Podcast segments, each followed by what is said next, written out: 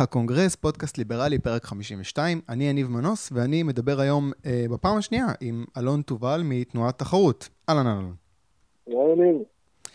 אה, אני רוצה, אלון, שניגש ישר לעניין. אנחנו מדברים על דיון שהיה אתמול בבית הדין לעבודה בנוגע לשביתת הנמלים שהייתה בשבוע שעבר. אני רק אתן טיפה רקע, מדובר היה בשביתה של ארבעה ימים, נכון? ארבעה ימים? כן. אוקיי. מיום רביעי עד אה, מוצאי שבת אה, ראשון בבוקר. אז זאת הייתה שביתה בלי התראה, בלי אישור, שביתה לא חוקית, שביתה ששיתקה בעצם את התנועה של סחורות דרך הים מישראל ואל ישראל. אה, ראשי הוועד הואשמו בביזיון בית המשפט אחרי שלא הגיעו לדיונים אליהם נקראו. הם קיבלו קנסות של עשרות אלפי שקלים, ואתמול היה דיון שני בעניין בבית הדין לעבודה, ואתה היית שם, ועכשיו אני רוצה שתספר לי מה, מה היה שם בדיוק. אוקיי, אז האמת שזה לא היה דיון שני, זה היה יותר משהו כמו דיון שלישי או רביעי, אבל מה שחשוב לענייננו הוא שהיה צריך להיות דיון במוצאי שבת, אה, בעצם על הקנסות שהוטלו על אה, הוועדים, אה, ובצאת השבת קרה דבר מאוד מעניין בסביבות שעה שתיים וחצי לפני בוקר, כשפשוט אחד מראשי הוועדים שדיברו, בית הדין נתן לכל מי שרוצה מקרב אנשי הוועדים לדבר, אחד מראשי הוועדים שדיברו אמר כמה קשה יהיה להגיע אל מול העובדים ולהראות בפניהם כמי שמורים להם אה, לחזור לעבודה באופן אמין, אה, כשיש קנס שמוטל עליך, אה, ולכן ביקשו לבטל את הקנסות. אני לא, אפילו לא בטוח אם זה נאמר לפרוטוקול, אבל אב בית הדין, שופט אילן איתך, אמר אה, שלמעשה הקנסות האלה לא ניתנו בגלל אה, השביתה או בגלל ביזיון אה, הצו שמורה על חזרה לעבודה, אלא משום שאותם ראשי ועדים ירדו למחתרת, לא הופיעו בפני בית הדין, ועל זה ניתן בעצם, בעצם הקנס. וברגע שהם הגיעו במוצאי שבת, אז אין טעם לשמור על הקנס הזה. אבל הדיון התקיים ביום שלישי, כלומר אתמול, ואז אה, ישמעו את הטענות שלהם לגבי, הקנס ולגבי הוצאות משפט וכולי. אה, חשבנו שנגיע אתמול ונראה בעצם אה, את הדיון על הטלת קנסות. מה שקרה פה הוא דבר אחר לגמרי. בשעה שש היה אמור להתחיל הדיון, כמה דקות אחרי כן נכנסה העוזרת המשפטית של, של השופט, וקרא ללשכה לאבי ניסנקורן, עורך דין של ההסתדרות, נציג של התעשיינים, נציגי הנהלות הנמל, הפרקליטה של המדינה, וכולם אה, בעצם צריכים להגיע ללשכת השופט, ושם יתקיים איזשהו תזכיר. רגע, עכשיו אני רוצה להבין, זה משהו שהוא מקובל? זה משהו שנהוג לעשות? בוא, בוא תסביר לי כמה זה, אם זה יוצא דופן בכלל, לא יודע, אולי בית דין לעבודה זה עולם אחר? ככה עושים את זה שם? מה, מה זה? לפי מה שאני מכיר, ב- לפחות ב-10-15 שנים האחרונות, יש נוהל של בית הדין, שהוא תופס את עצמו לא רק כגוף שופט, הוא תופס את עצמו גם כגוף מתווך. ובמסגרת הזאת, אז uh, הוא גם uh, מרשה לעצמו לתווך uh, בין צדדים ולהכניס אותם למשא ומתן וכולי. בגדול תפקיד מאוד מבורך, יש פה רק uh, בעיה אחת מרכזית, שמי שמשמש כמתווך, כמגשר, הוא גם זה שאמור להחליט בתיק. אוקיי. אוקיי. ואז מגיעים למצבים, כמו שראינו אתמול, שהם מצבים מאוד מאוד מוזרים, שהם לא תקינים מבחינה משפטית בשום צורה למיטב הבנתי, שיוצא שבמקום שמתנהל דיון פתוח בבית משפט, הדיון עובר לתוך החדר, בלי פרוטוקול, כשהשופט שם יכול, אה, הוא גם מושפע מהצדדים והוא גם מסוגל להשפיע עליהם ועל המילות שלהם, אה, בצורה שלא... אצלנו הרי השיטה המשפטית היא אדברסרית, כל צד מעלה טיעונים, ואז השופט צריך להחליט מי צודק. זה, רגע, מי, הצ... מי לא הצדדים פה? מי הצדדים פה בעצם? יש את, ההס... כן, יש את ההסתדרות, יש, יש את הבית... אה, בגדול יש את אה, הנהלות הנמל, יש את ההסתדרות. ברגע שראשי הוועדים אה, לא פעלו בהתאם להנחיות ההסתדרות ושיבצו את הנמל בלי האישור שלה, לפחות לא אישור רשמי, אז גם ראשי הוועדים נחשבים חלק מהתיק הזה. Mm-hmm. ויש את התעשיינים ואיגוד לשכות המסחר שבעצם הגישו את ה... אה, הם בעצם הגישו את התלונה, כי הם אלה שסובלים הכי הרבה מה... מהשביתה הזו הנמלים. אוקיי, okay, אה, אז גם הם היו בדיונים בלשכה. גם הם היו, הם היו מאוד פסיביים, לא פעילים בכלל. אוקיי. Okay. אוקיי, בוא, תשמע, כשאני קראתי את זה, זה נשמע לי חמור. עכשיו אתה מספר את זה, מה, מה הבעיה? אז קראו לנציגים וסגרו את זה ככה בלשכה, עשו גישור. מה רע? מה הבעיה? גישור זה דבר נהדר. יש פה בעיה, שכשיושב שופט שאמור להכריע בסופו של דבר בסוגיות משפטיות, הוא זה שמבצע את התיווך הזה. זאת אומרת, אני רק אתאר לכם איך זה נראה מהזווית שלי. בשעה שש וחמישה נכנסה עוזרת המשפטית, כולם הלכו אה, להתכנסות בחדר. אוקיי, מתי שהיה צריך להתחיל דיון על ביזיון בית הדין. במקום זה, במשך שעתיים וחצי ישבו בחדר, אף אחד לא, לא יוצא החוצה, ואנחנו יושבים באולם בית המשפט, מחכים שהדיון יתחיל. בינתיים תוהים מה קורה שם, מה, מה נסגר מאחורי הקלעים, מה... זאת אומרת, אנחנו בעצם אה, אה, הציבור נשאר בחוסר ידיעה וחוסר ודאות לגבי מה שקרה לפנים. מה שמעניין הוא גם מה שקרה אחר כך. אחר כך למעשה, אה, שלוש שעות אחרי שהיה אמור הדיון להתחיל, התחיל הדיון בשעה טובה, נכנסו, אה, נכנסו הצדדים, נכנסו השופטים, ומסרו הודעות קצרות. חלק מיושב ראש ההסתדרות נתן הודעה, מנהל נמל אשדוד נתן הודעה. ככה, הצהרות קצרות, סוג של אה, כאילו הוכנו מראש, אה, ומיד אחרי זה ניתנה החלטה. זאת אומרת, לא היה פה שום אה, דיון בית משפט אמיתי. מה גם שההחלטה שניתנה לא שייכת בכלל לעניין הביזיון. זאת אומרת, זה אפילו לא היה הנושא של הדיון. אז מה, מה אוקיי, מה הייתה, מה, איך זה נסגר בסופו של דבר? יש קנסות, אין קנסות? זה נסגר בצורה כזאת שבית הדין הודיע שהצדדים הסכימו להיכנס למשא ומתן אינטנסיבי, אה, שיימשך 18 ימים אחרי אה, שבועות,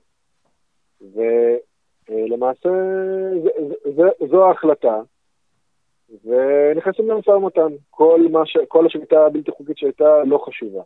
מהצד של, של ראשי הוועדים זאת הצלחה מסחררת.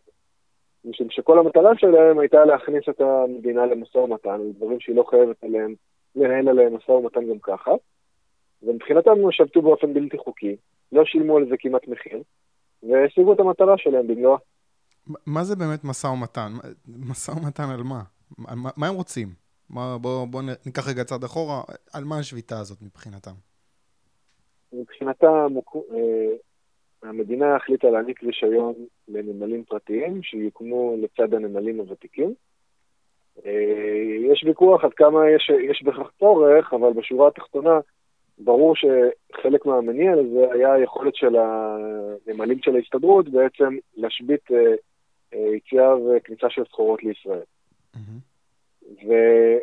ומבחינתם, זאת אומרת, זו פעולה שלטונית של המדינה, אבל היא יכולה לפגוע בהם בטווח הארוך, במידה ואותם נמלים באמת לא יתייעלו ויעמדו בתחרות. Mm-hmm. לכן הם דרשו, דרשו מהמדינה שבעצם תיתן פיצוי לאותם עובדים על הנזקים מהתחרות שאולי בעתיד תפגע בהם. Mm-hmm. המדינה החליטה, אה, הסכימה להעניק אה, ביטחון תעסוקתי פלוס אה, הטבות מרחיקות לכת למשך עשר שנים, זאת אומרת עשר שנים לא קורה כלום, אוקיי? זאת אומרת, יכול להיות שקורה בשטח, אבל מבחינת התנאים יש להם ביטוח, דבר שהוא חסר תקדים. אף, אף אחד לא נהנה מדבר כזה.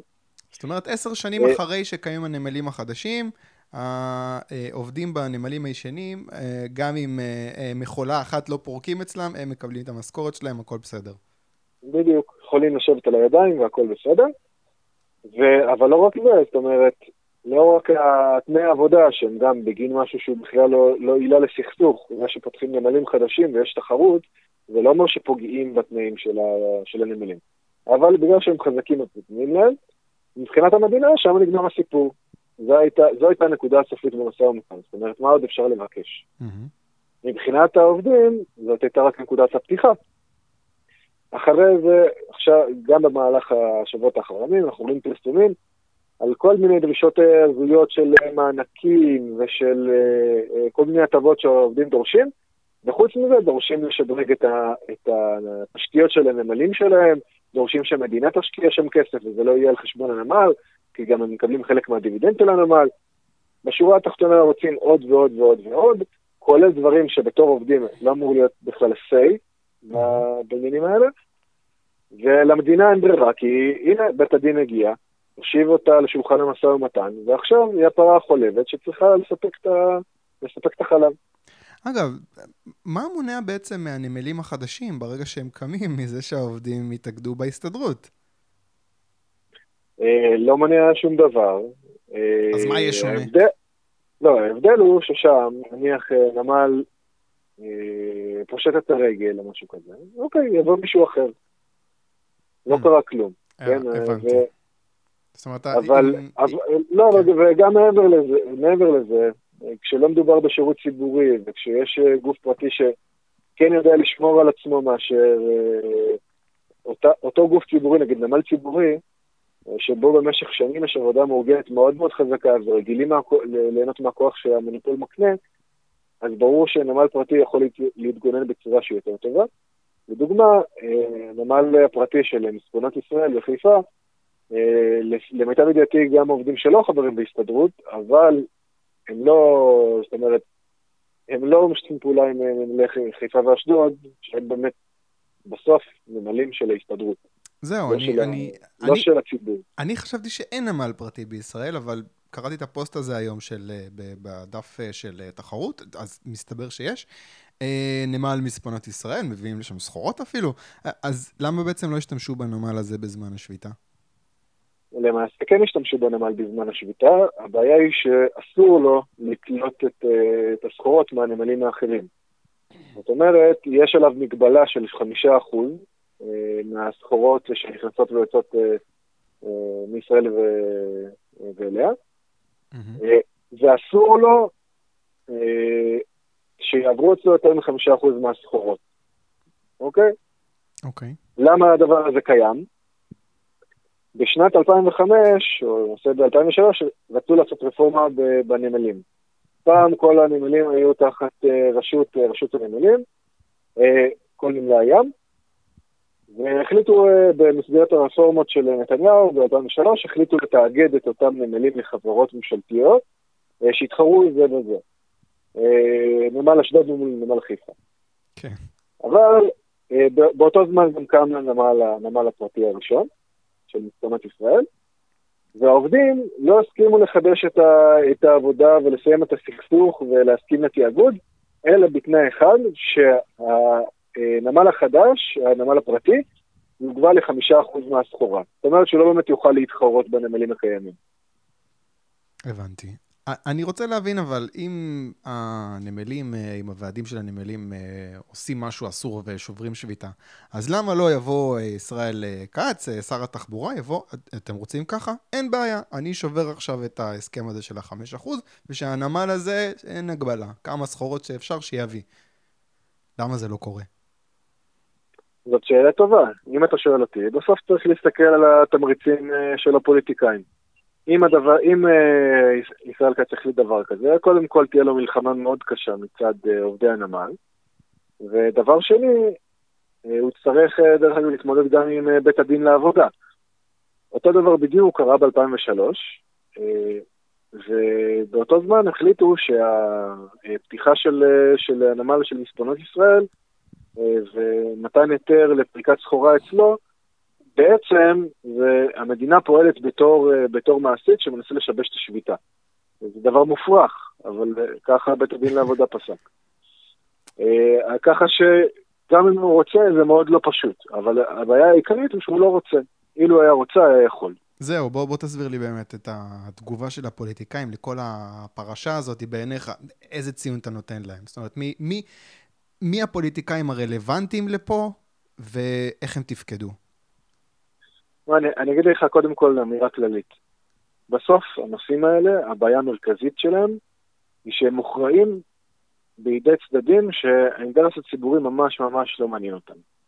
אה, בסוף, באותה לשכה בחדר השופט, מופיעים אה, אה, נציגי הנהלות הנמל, שכמובן שיש להם אינטרס לשמור על ה... כמה שיותר על האינטרס של הנמל שלהם ועל המונופול של הנמלים שלהם.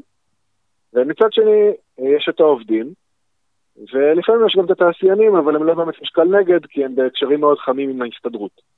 כן. אז בסוף, בסופו של דבר, מי דואג לאינטרס ציבורי? התשובה היא שאף אחד בפורומים האלה. לא הייתה מי שום שצריך, תגובה, לא מי הייתה שום תגובה? שצריך להוביל, כן. מה, מה הכוונה? זאת אומרת, ישראל כץ, אה, שר האוצר, ראש הממשלה, אף אחד מהם לא התעסק בכלל בעניין הזה? לא, אז היום שמענו תגובה של ישראל כץ, של שר התחבורה, שאמר שהוא ידחוף את ההקמה של הנמלים, גם בלי, הנמלים החדשים, גם בלי רפורמה בנמלי הים של ההסתדרות.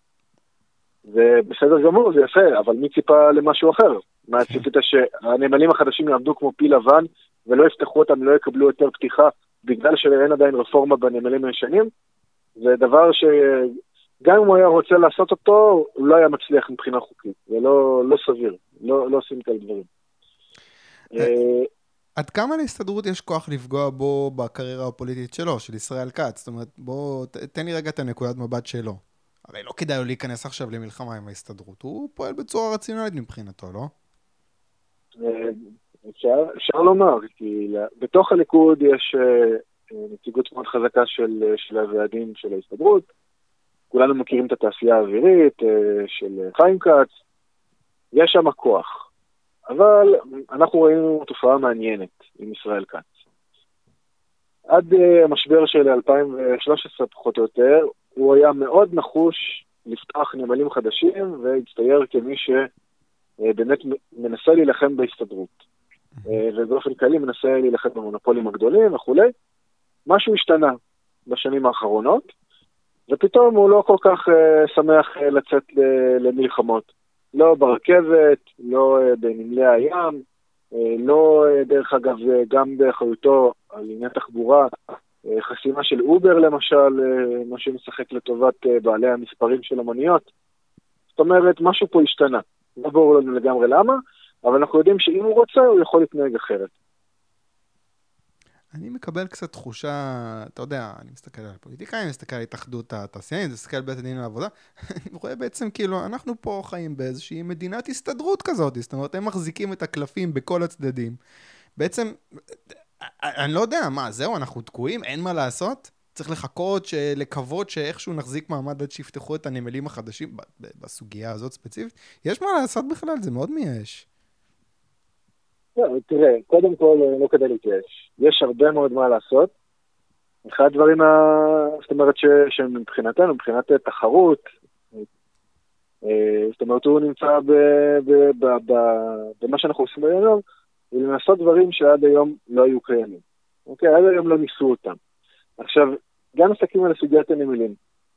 הקמה של נמלים חדשים זאת יוזמה ש, אה, שבהחלט פועלת למען, אה, נגיד, אה, לפרק טיפה את מדינת ההסתדרות הזאת ולהפוך אותה למדינה אה, מתקדמת עם שגשוג כלכלי. Mm-hmm. אבל בשביל לעשות צעדים כאלה צריך, צריך אומץ. ובשביל שפוליטיקאים יקבלו אומץ, הדבר הכי חשוב מבחינתם זה תמיכה ציבורית. אז יש פה אתגר, כי הציבור לא תמיד מודע למה שקורה, ומבחינתו זה לא משהו שנמצא בראש האג'נדה. אבל אם הדבר הזה ישתנה, אז גם התמריצים של הפוליטיקאים ישתנו, אז בהתאם גם המעשים שלהם. אה, אה. וזה אתגר, וחוץ מזה יש עוד כל מיני דברים שכדאי לעשות, אתה יודע, למשל, לדבר על זה ש... דילים נסגרים בתוך אה, חדר, חדר של שופט בלי פרוטוקול. אז זהו, אני... זה דבר שהוא לא תקין בעליל. אני רוצה שנייה לחזור לזה מזווית אחרת, אבל לפני זה אני רק אגיד לאנשים ששומעים, מבחינתכם הצעד הפרקטי זה משהו ששרן השכל, שרן השכל אמרה שבוע שעבר, תעשו לייק, אוקיי? תיכנסו לעמוד של תחרות, תעשו לייק, תלחצו שם על ה-see first כדי שתראו את העדכונים שלהם, תעזרו להציף את הפוסטים האלה ואת הדבר הזה, את האג'נדה הזאת, במעלה הפיד אה, של הדיון הציבורי. אה, ככה נושאים זזים, זה, זה, זה, זה עובד. היא אמרה, אה, חברת הכנסת שרן השכל, שפוליטיקאים בהחלט מודעים לעניין הזה של אה, למה עושים לייקים, למה עושים שרים. אז תכנסו לתחרות, תעשו לייק ו-see first. עכשיו, אני רוצה לשאול בקשר לעניין הזה של מה שהיה... זה ב... בטוח. אני, אני אגיד לך יותר מזה. יש כן. גם דברים, זה טוב, זה טוב ויפה שיש אה, פייסבוק, זה מאוד חשוב, וערוצים אחרים. בסוף יש עוד דברים שאפשר לעשות, וחשוב מאוד לרתם גם אליהם. אנחנו למשל בודקים הגשה של תביעה נגד העובדים ששבתו בצורה אה, בלתי חוקית. אה, מזל טוב, האדסטארט שלכם הצליח ממש בדקה ה-90. כן, כן. מרגש. לא, זה, זה בעניין אחר, אבל אומר, בהקשר של הנמלים, מי שנפגע, מ,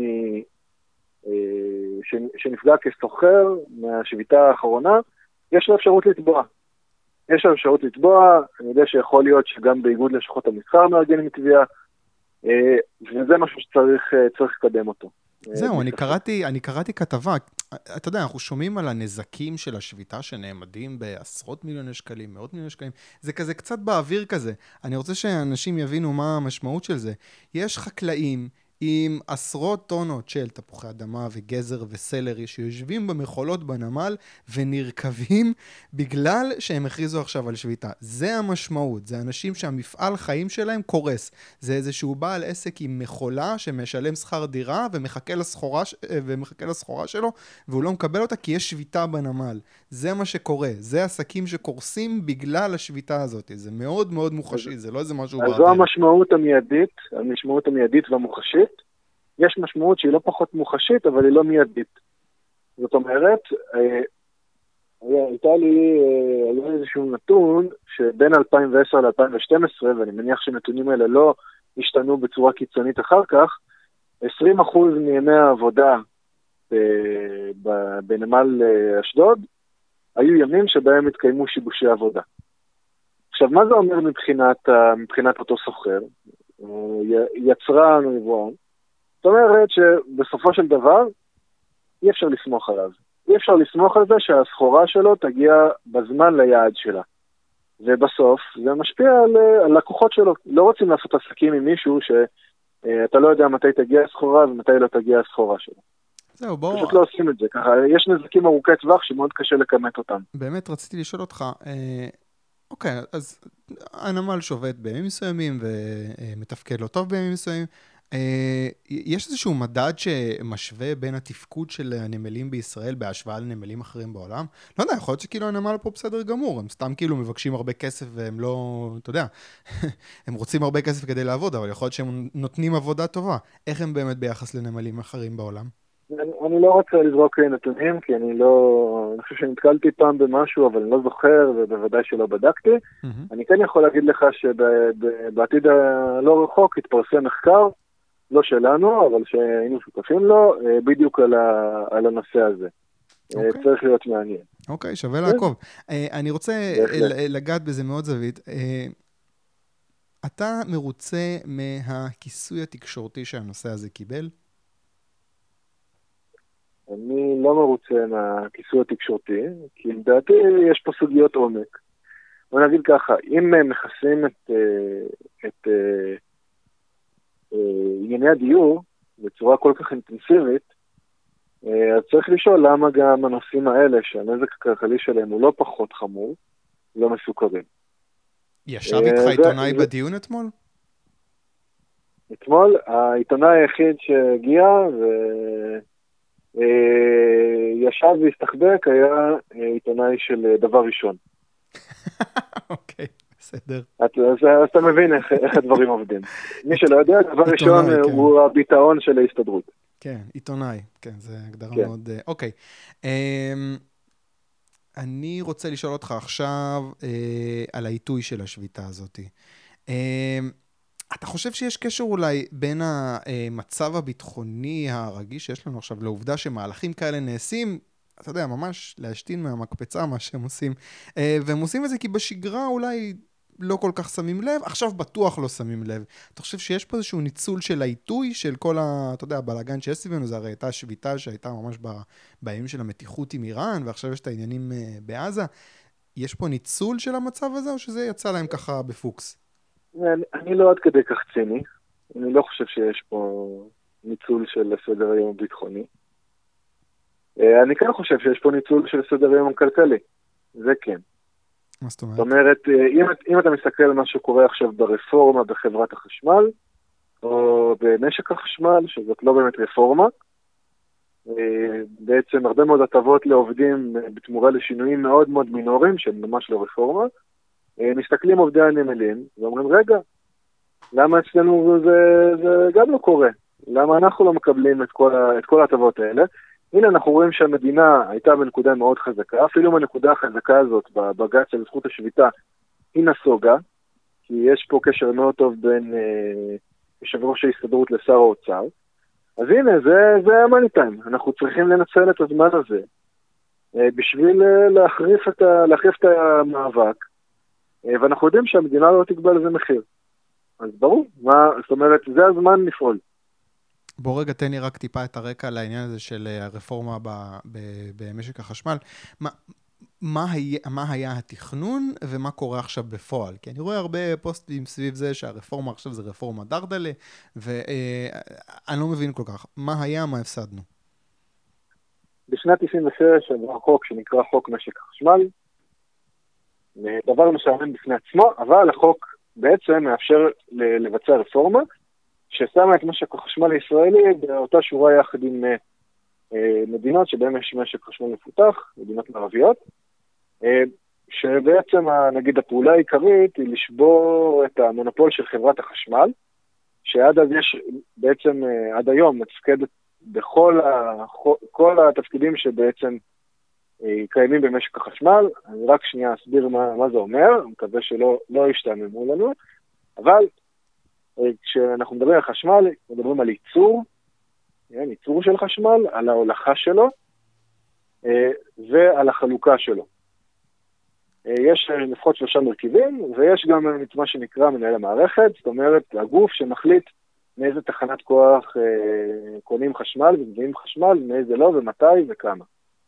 אוקיי. Okay. אה, והיום בעצם חברת החשמל מבוצעת את כל התפקידים. אה, במשך אה, 20 שנה האחרונות ניסו לעשות רפורמה במשק החשמל, כך ש... רגע, יש היום, אבל יש היום יצרני חשמל פרטיים, לא? כן, יש יצרני חשמל פרטיים, הם, הצליחו לייצר אה, משהו כמו 30% מהחשמל כבר, וואו. אבל אה, הבעיה שלהם היא שמי שלמשל, אתה לא יכול לספק חשמל אם אין לך תשתיות אה, מתאימות, אם לא מפתחים לך את, ה, את המערכת כמו שצריך, אם אתה לא מקבל רישיונות להקמה של תחנות אה, חשמל אה, חדשות. אה, כל הדברים האלה בעצם נמצאים בשליטה של חברת חשמל, חוץ מהרישיונות, אבל בהשפעה של חברת החשמל. וזה יצר קושי. אז במשך השנים האחרונות ראינו כמה וכמה מקרים שבהם המדינה ניסתה לבצע רפורמה במשק החשמל. מי שתקע את זה פעם אחרי פעם אחרי פעם, היו העובדים. Uh, כשהיה צריך להעביר דוחות לרשות החשמל כדי שתאשר, כדי שתחשוב על איך לבצע את הרפורמה, העובדים החליטו שהם לא מוסרים. בית הדין לעבודה אמר שזה בסדר. אה, כשרצו לחבר את תחנות הכוח הפרטיות, העובדים אמרו, אנחנו לא נחבר את התחנות הפרטיות, אה, אה, כי זה בעצם קידום של הרפורמה, בלי שהתנהל איתנו משא ומתן. באמת, תקופה, תקופה מסוימת השעו את החיבור עד שאילצו את המדינה לשבת למשא ומתן עם העובדים על הרפורמה. שוב, לא על תנאי העבודה, על הרפורמה עצמה. ככה הדבר הזה התגלגל עד שהגענו אה, לשנה שעברה, ל-2007, אה, לא, שנה שעברה זה 2017. אה, 2017, סליחה. כן. אנחנו קופצים, יש לנו פה גם, גם ב-2007 דברים מעניינים. בקיצור, ב-2017, אה, בית הדין לעבודה, שעד אז נהג לעשות אה, איזשהו מנהג מגונה, שמצד אחד הוא אומר לעובדים אסור לכם לשבות, מצד שני אומר למדינה אסור לך לקדם רפורמה, ועכשיו בואו תשבו שניכם בחדר ותחליטו מה קורה. אה, גם כשמדובר אה, בנושאים שהם לא, לא נהיה למשא ומתן עם עובדים בכלל. Okay. אוקיי. אה, ואז בעצם יקראו לעובדים לשבות, בגלל שהמדינה לא מתייעצת איתם על הרפורמה. אוקיי. ולא העבירו את השיעורים לספקים, כלומר גם ליצרני החשמל הפרטיים, לא נגבו כספים מלקוחות, וככה התגלגלנו לבג"ץ על זכות השביתה כנגד רפורמה, אה, שנראה לי דיברנו עליו בתוכנית הקודמת. נכון, אבל בעצם הבג"ץ הזה נתקע, הוא לא, הוא, הוא, הוא לא הגיע לידי מימוש. כן. אוקיי, ומה קורה עכשיו? זאת אומרת, מה הרפורמה שעכשיו על סדר היום? מה, מה סורס ממנה? אה, אז תחת האיום של, של הבג"ץ הזה, אה, בעצם המדינה החליטה לא ללכת עד הסוף ולנהל משא ומתן ולנצל את, ה, את האיום הזה בשביל לנהל משא ומתן אפקטיבי עם, ה, עם העובדים. כן. אה, ו, ובעצם אז יש משא ומתן בין העובדים לבין, אה, לבין המדינה, על איך תראה רפורמה במשק החשמל. אה, רק מי שנמצא שם בפנים יודע מה הולך, אנחנו בתור ציבור אין לנו מושג מה קורה, לאיזה הסכמות מגיעים, חוץ מהדלפות שמגיעות לעיתונות או הודעות לבורסה של חברת חשמל.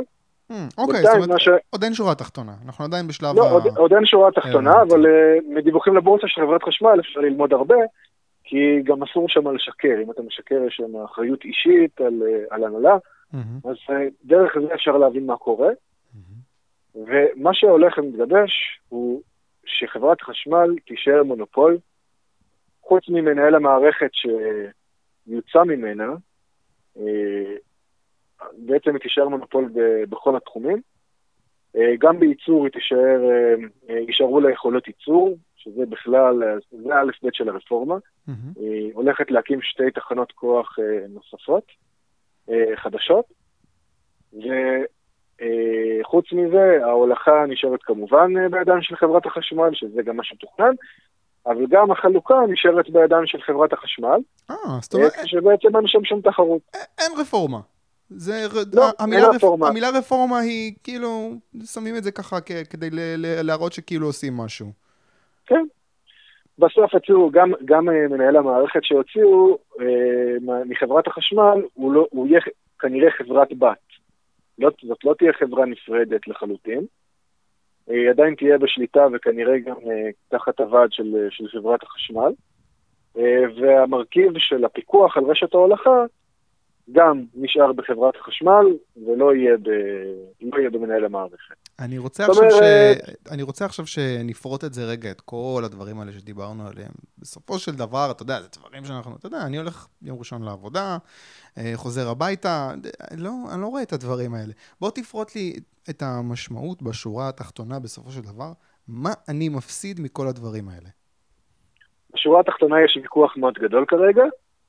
האם הולכים לקחת ממך את הכסף דרך חשבון החשמל, או שהולכים לקחת את הכסף דרך uh, תלוש המשכורת uh, ואמצעים אחרים שב, שבהם גובים מיסים. Mm-hmm. אבל בשורה התחתונה, האזרח משלם על הרפורמה הזאת, הולך לשלם על ההטבות לעובדי חברת החשמל, על הטבות הפרישה המפליגות, והציבור הולך לממן את הרפורמה הזאת בלי שתעריף החשמל ירד. בוא, יש איזשהו... זה בשורה התחתונה. יש איזשהו צדיק בסדום הזה? זאת אומרת, יש איזה מישהו שאתה יכול להצביע עליו ולהגיד, זה, הבן אדם הזה עושה את העבודה, הוא... אני איתו, הוא מבין מה צריך לעשות והוא הולך עם זה עד הסוף. או שכולם, אה, לא יודע, ישראל כץ אינטרסנטים כאלה.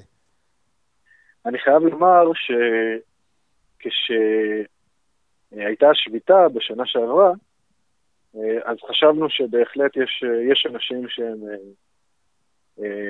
נקרא לזה בצד שלנו והבינו שאי אפשר להמשיך להתנהל ככה, ושצריך להוביל, אה, להוביל רפורמה, ושהעובדים לא יכולים לטרפד אותה פעם אחר פעם.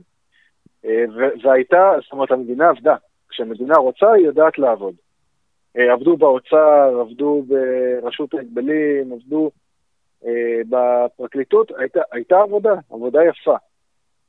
עד שהסתבר למדינה שכנראה היא עושה overkill, והסיפור אומר שבמהלך הדיון בבג"ץ, ניסנקורן מרים טלפון אה, לשר האוצר ואומר לו, תרגיע, בוא תגיד לחבר'ה שלך שירגעו, כי אנחנו פה אוכלים אותה. אנחנו כלומר ההסתדרות. ומאותו רגע המדינה החליטה להילחם חלש. אה, החליטו להיכנס למשא ומתן עם העובדים, כן, הבג"ץ עצמו הרי היה נגד הדרישה של בית הדין שהמדינה תנהל משא ומתן על הרפורמה יחד עם העובדים, שתעצב את הרפורמה יחד עם העובדים. וזה בדיוק מה שהתחילה לעשות מאותו רגע. אה, אז כרגע, לצערנו, אנחנו לא רואים איזשהו גורם אה, שיש לו השפעה חיובית, חוץ ממשרד ראש הממשלה, ששם מנסים לעצור את זה, אבל כנראה שגם הם נלחמים במסגרת האילוצים הפוליטיים והקואליציוניים ולא לא מאתגרים אותם. אוקיי, אלון, זה, זה היה שיחה אה, קצת אה, אה, אה, פסימית, אה, אבל אתה יודע, זה פסימיות לשם... אני מקווה אה, שמתישהו השיחות שלנו יתחיל להיות אופטימיות. כן, כן, כן, אתה יודע, זה פסימיות לשם אופטימיות. לא, לא, אני רוצה אבל... שאנשים יבינו ש, ש, שאף אחד לא דואג להם, ואם הם לא ידפקו על השולחן וידרשו מהפוליטיקאים אה, לעשות מה שצריך לעשות, שום דבר לא יקרה, אנחנו לא מתקדמים לכיוון הנכון. אז זה מאוד חשוב, כי בסוף... תחשוב למשל על, על ביבי בעניין המסתננים, תחשוב עם אלאור עזריה, כשיש כוח ציבורי אדיר שאכפת לו והוא מתפרץ, פוליטיקאים משנים כיוון. אין פה בכלל שאלה. וגם ברפורמה הזאת, הפייק רפורמה, אפשר לעשות פה שינוי. זה מאוד חשוב. מאוד מאוד חשוב, כי בסוף זה משהו שיוצא מהכיס של כולם.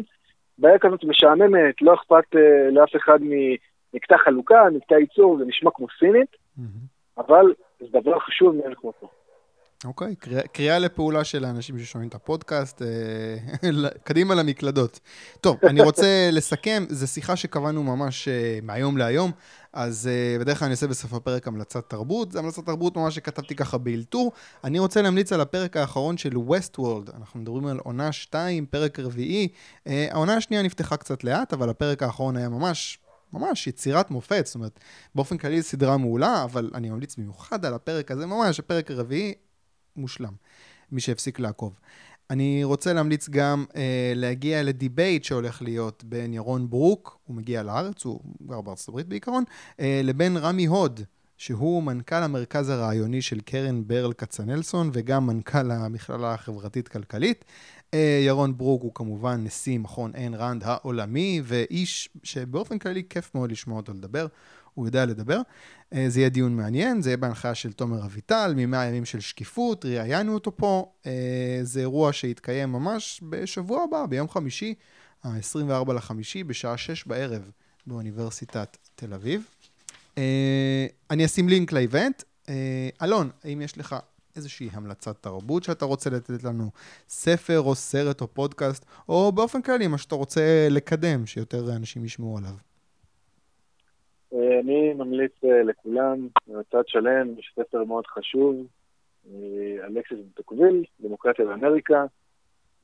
אה, שווה, זה, אני אומר, זה לא הספר המורכב ביותר, אבל גם לא הפשוט ביותר.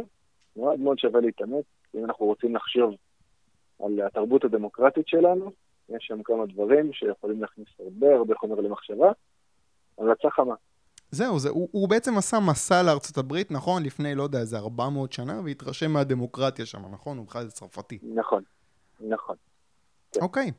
אה, אלון תובל, תודה רבה לך. תודה רבה, יניב. ביי ביי. הקונגרס, פודקאסט ליברלי, ואנחנו ניפגש בשבוע הבא עם עוד ליברל.